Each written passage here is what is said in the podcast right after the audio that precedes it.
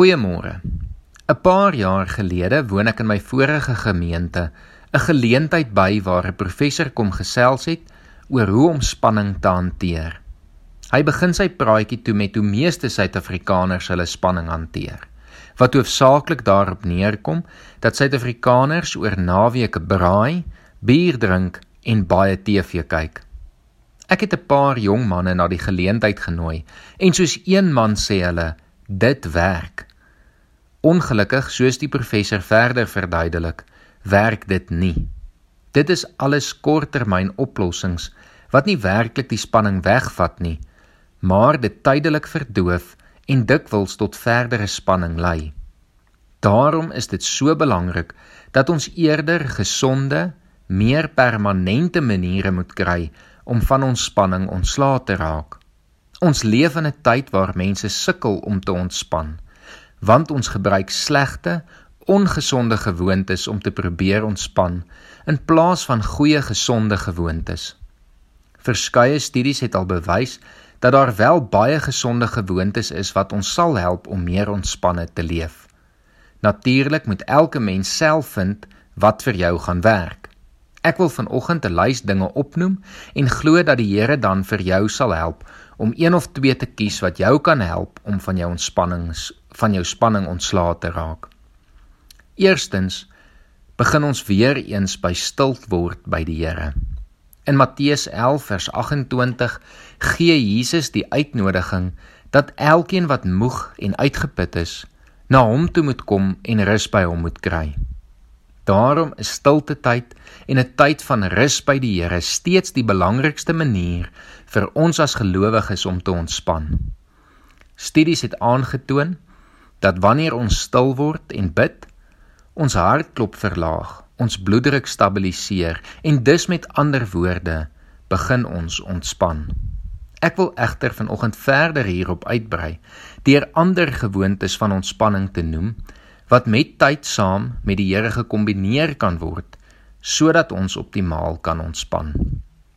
Die eerste een wat ek wil noem is oefening. Oefening is een van die beste en gesondste maniere om te ontspan. Vir party mense klink hierdie onmoontlik want oefening klink meer soos werk as soos pret. Maar die feit van die saak bly dat wanneer ons aktief is en veral wanneer ons dit in die buitelug doen, Ons brein deur die vars lig en die dopamien wat afgeskei word na 'n tydse oefening ons werklik begin ontspan. Oefening help ons ook om soos ons gister gehoor het in die oomblik te wees. Oefening kan selfs deel uitmaak van die tyd saam met God. Ek self geniet dit om terwyl ek draf te bid en hierdie laat my natuurlik nog meer ontspan. Volgende is musiek. Musiek het 'n wonderlike manier om ons te help om te ontspan.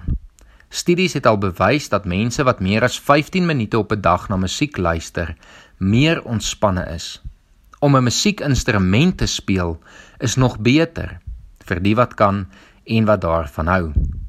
Ook hierdie gewoonte kan gekombineer word met tyd saam met die Here.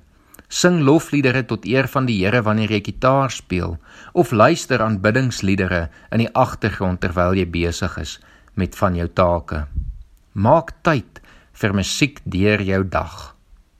Volgende is kuns. Amper enige vorm van kuns is 'n goeie manier om van ons spanning ontslae te raak. Om te skilder, om te skryf, om foto's te neem, naaldwerk te doen, tuinwerk te doen of watter kuns jy ook al van hou, sal jou help om te ontspan. En so is daar nog baie ander aktiwiteite wat ons kan help om op 'n gesonde manier te ontspan. Van masserings tot skottelgoed was. Maak nie saak wat jy besluit om te doen nie. Ek wil jou uitnooi om iets in jou lewe in te bou wat jou kan help om van stres op 'n gesonde manier ontslae te raak. Kom ons bid saam. Here, dankie dat ons kan weet dat rus by U gevind word. Dat U die bron is wat ons help om meer ontspanne te leef.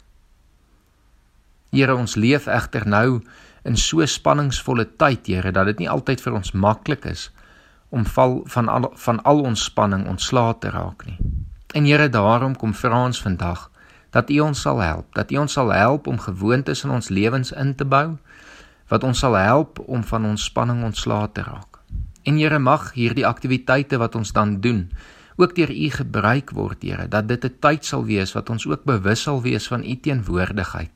En Here dat U teenwoordigheid vir ons werklik die rus sal gee wat ons nodig het. Ons bid dit in Jesus Christus se naam alleen. Amen.